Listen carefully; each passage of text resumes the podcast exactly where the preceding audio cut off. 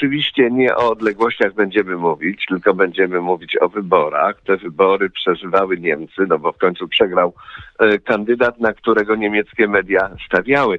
Niemieckie media są lewicowymi mediami, nie ma tutaj innych mediów, dlatego też nie będę mówił za każdym razem lewicowy dziennik Süddeutsche Zeitung czy lewicowa gazeta Frankfurter Allgemeine Zeitung, niegdyś bardzo poważna i konserwatywna, a dziś po prostu, po prostu różowa, tak jak, tak jak no jest Deutschland. To jest w końcu organ Komitetu Centralnego SED, czyli y, partii komunistycznej w NRD, który nadal wychodzi w tym kraju i którego artykuły, komentarze i teksty nie różnią się od tych, które można znaleźć na łamach bardzo, bardzo poważnych niegdyś gazet. No i tytuły, tytuły są też takie dosyć powiedzmy sobie e, e, knajackie. Na przykład Frankfurter Rundschau na temat wyborów mówi wybory prezydenckie w Polsce. Andrzej Duda, zwycięska marionetka. Jak wiadomo, Andrzej Duda jest marionetką, bo tak wymyśliła to sobie w Polsce lewica.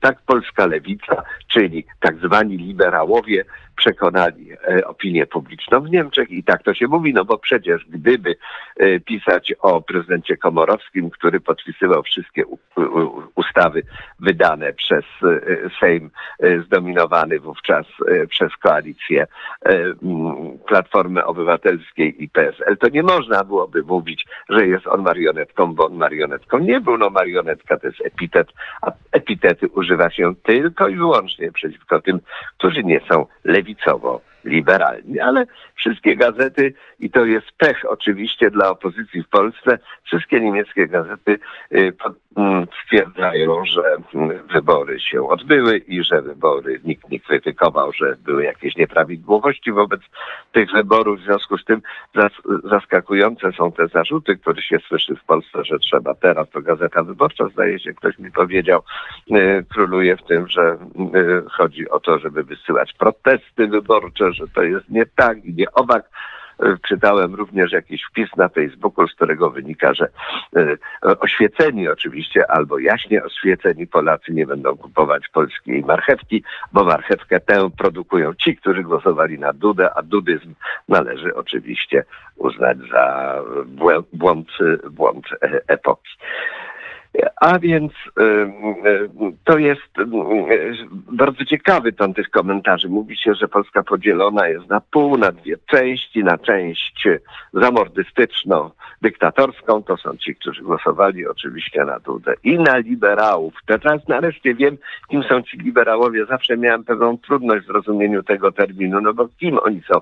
Liberałowie według tych doniesień medialnych to są platformerci, czyli Platforma Obywatelska, plus ludowcy, plus komuniści i plus używam ich języka, faszyści, czyli Konfederacja, bo w końcu e, również e, członkowie Konfederacji głosowali na pana Trzaskowskiego. No więc teraz wiemy, co to są liberałowie. To jest taka szeroka gama i tutaj można by znowu się e, pokusić o to, żeby dokonać pewnych porównań z tym, jak to wyglądało w Niemczech w latach 30., gdzie nagle członkowie komunistycznej partii Niemiec, tak rzekomo prześladowanej przez nazizm, zasilili siły tej partii i brali udział w zwycięskim, aczkolwiek krótkotrwałym pochodzie y, na wschód i zachód Europy. Y, unika się rozwskazania na Trzaskowskiego jako wiceprzewodniczącego Platformy Obywatelskiej. Tego nie robiono.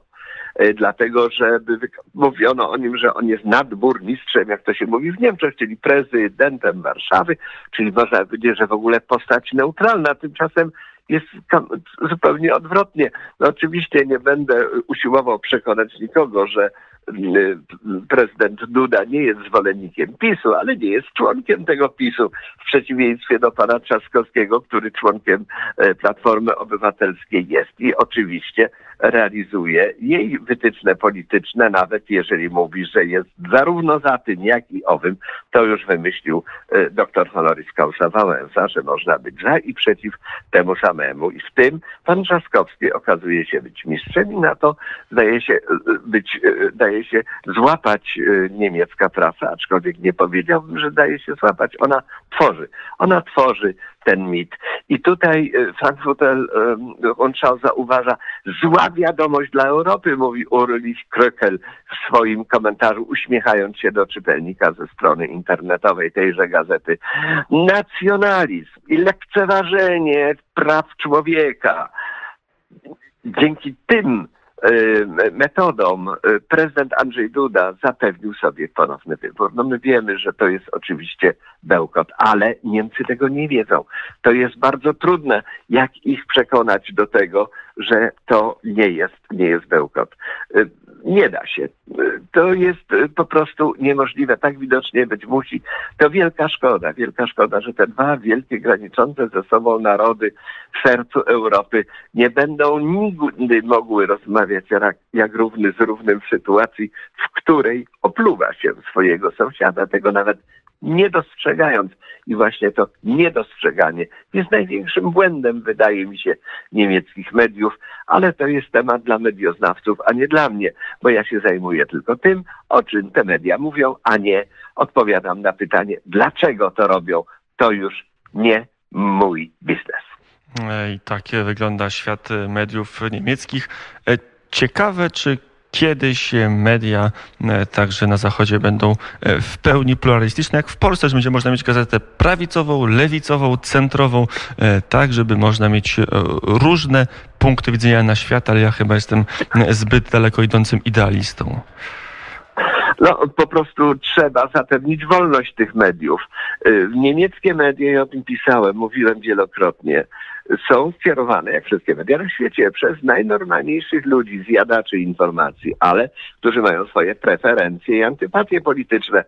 Przeprowadzono kiedyś badania dotyczące niemieckich dziennikarzy i lwia większość z nich wybrałaby SPD, wybrałaby Partię Zielonych i Die Linke. To odpowiada na pytanie. Jeżeli jeszcze sobie zastanowimy się nad tym, kim są stróże wolności mediów w Niemczech, to są reporterzy bez granic. To jest mniej więcej tak, gdyby w okresie, kiedy wychodziła jeszcze moskiewska prawda, ona wydawała również ranking wolności prasy na świecie. Możemy sobie wyobrazić, która z tych gazet stałaby tam na pierwszym miejscu. Mm, I tak e, w oparach paradoksów wchodzimy w kolejny dzień, godzina dziewiąta. Mm, Jan Bogatko, jak co czwartek, był gościem poranka wnet. Dziękuję bardzo, panie redaktorze. Do usłyszenia, dziękuję. E, a ja także się z Państwem żegnam i także mówię do usłyszenia. Kończymy dzisiejszy poranek wnet. Jaśmina Nowak była wydawcą, zrealizował Mariusz Konkol. Za chwilę wiadomości.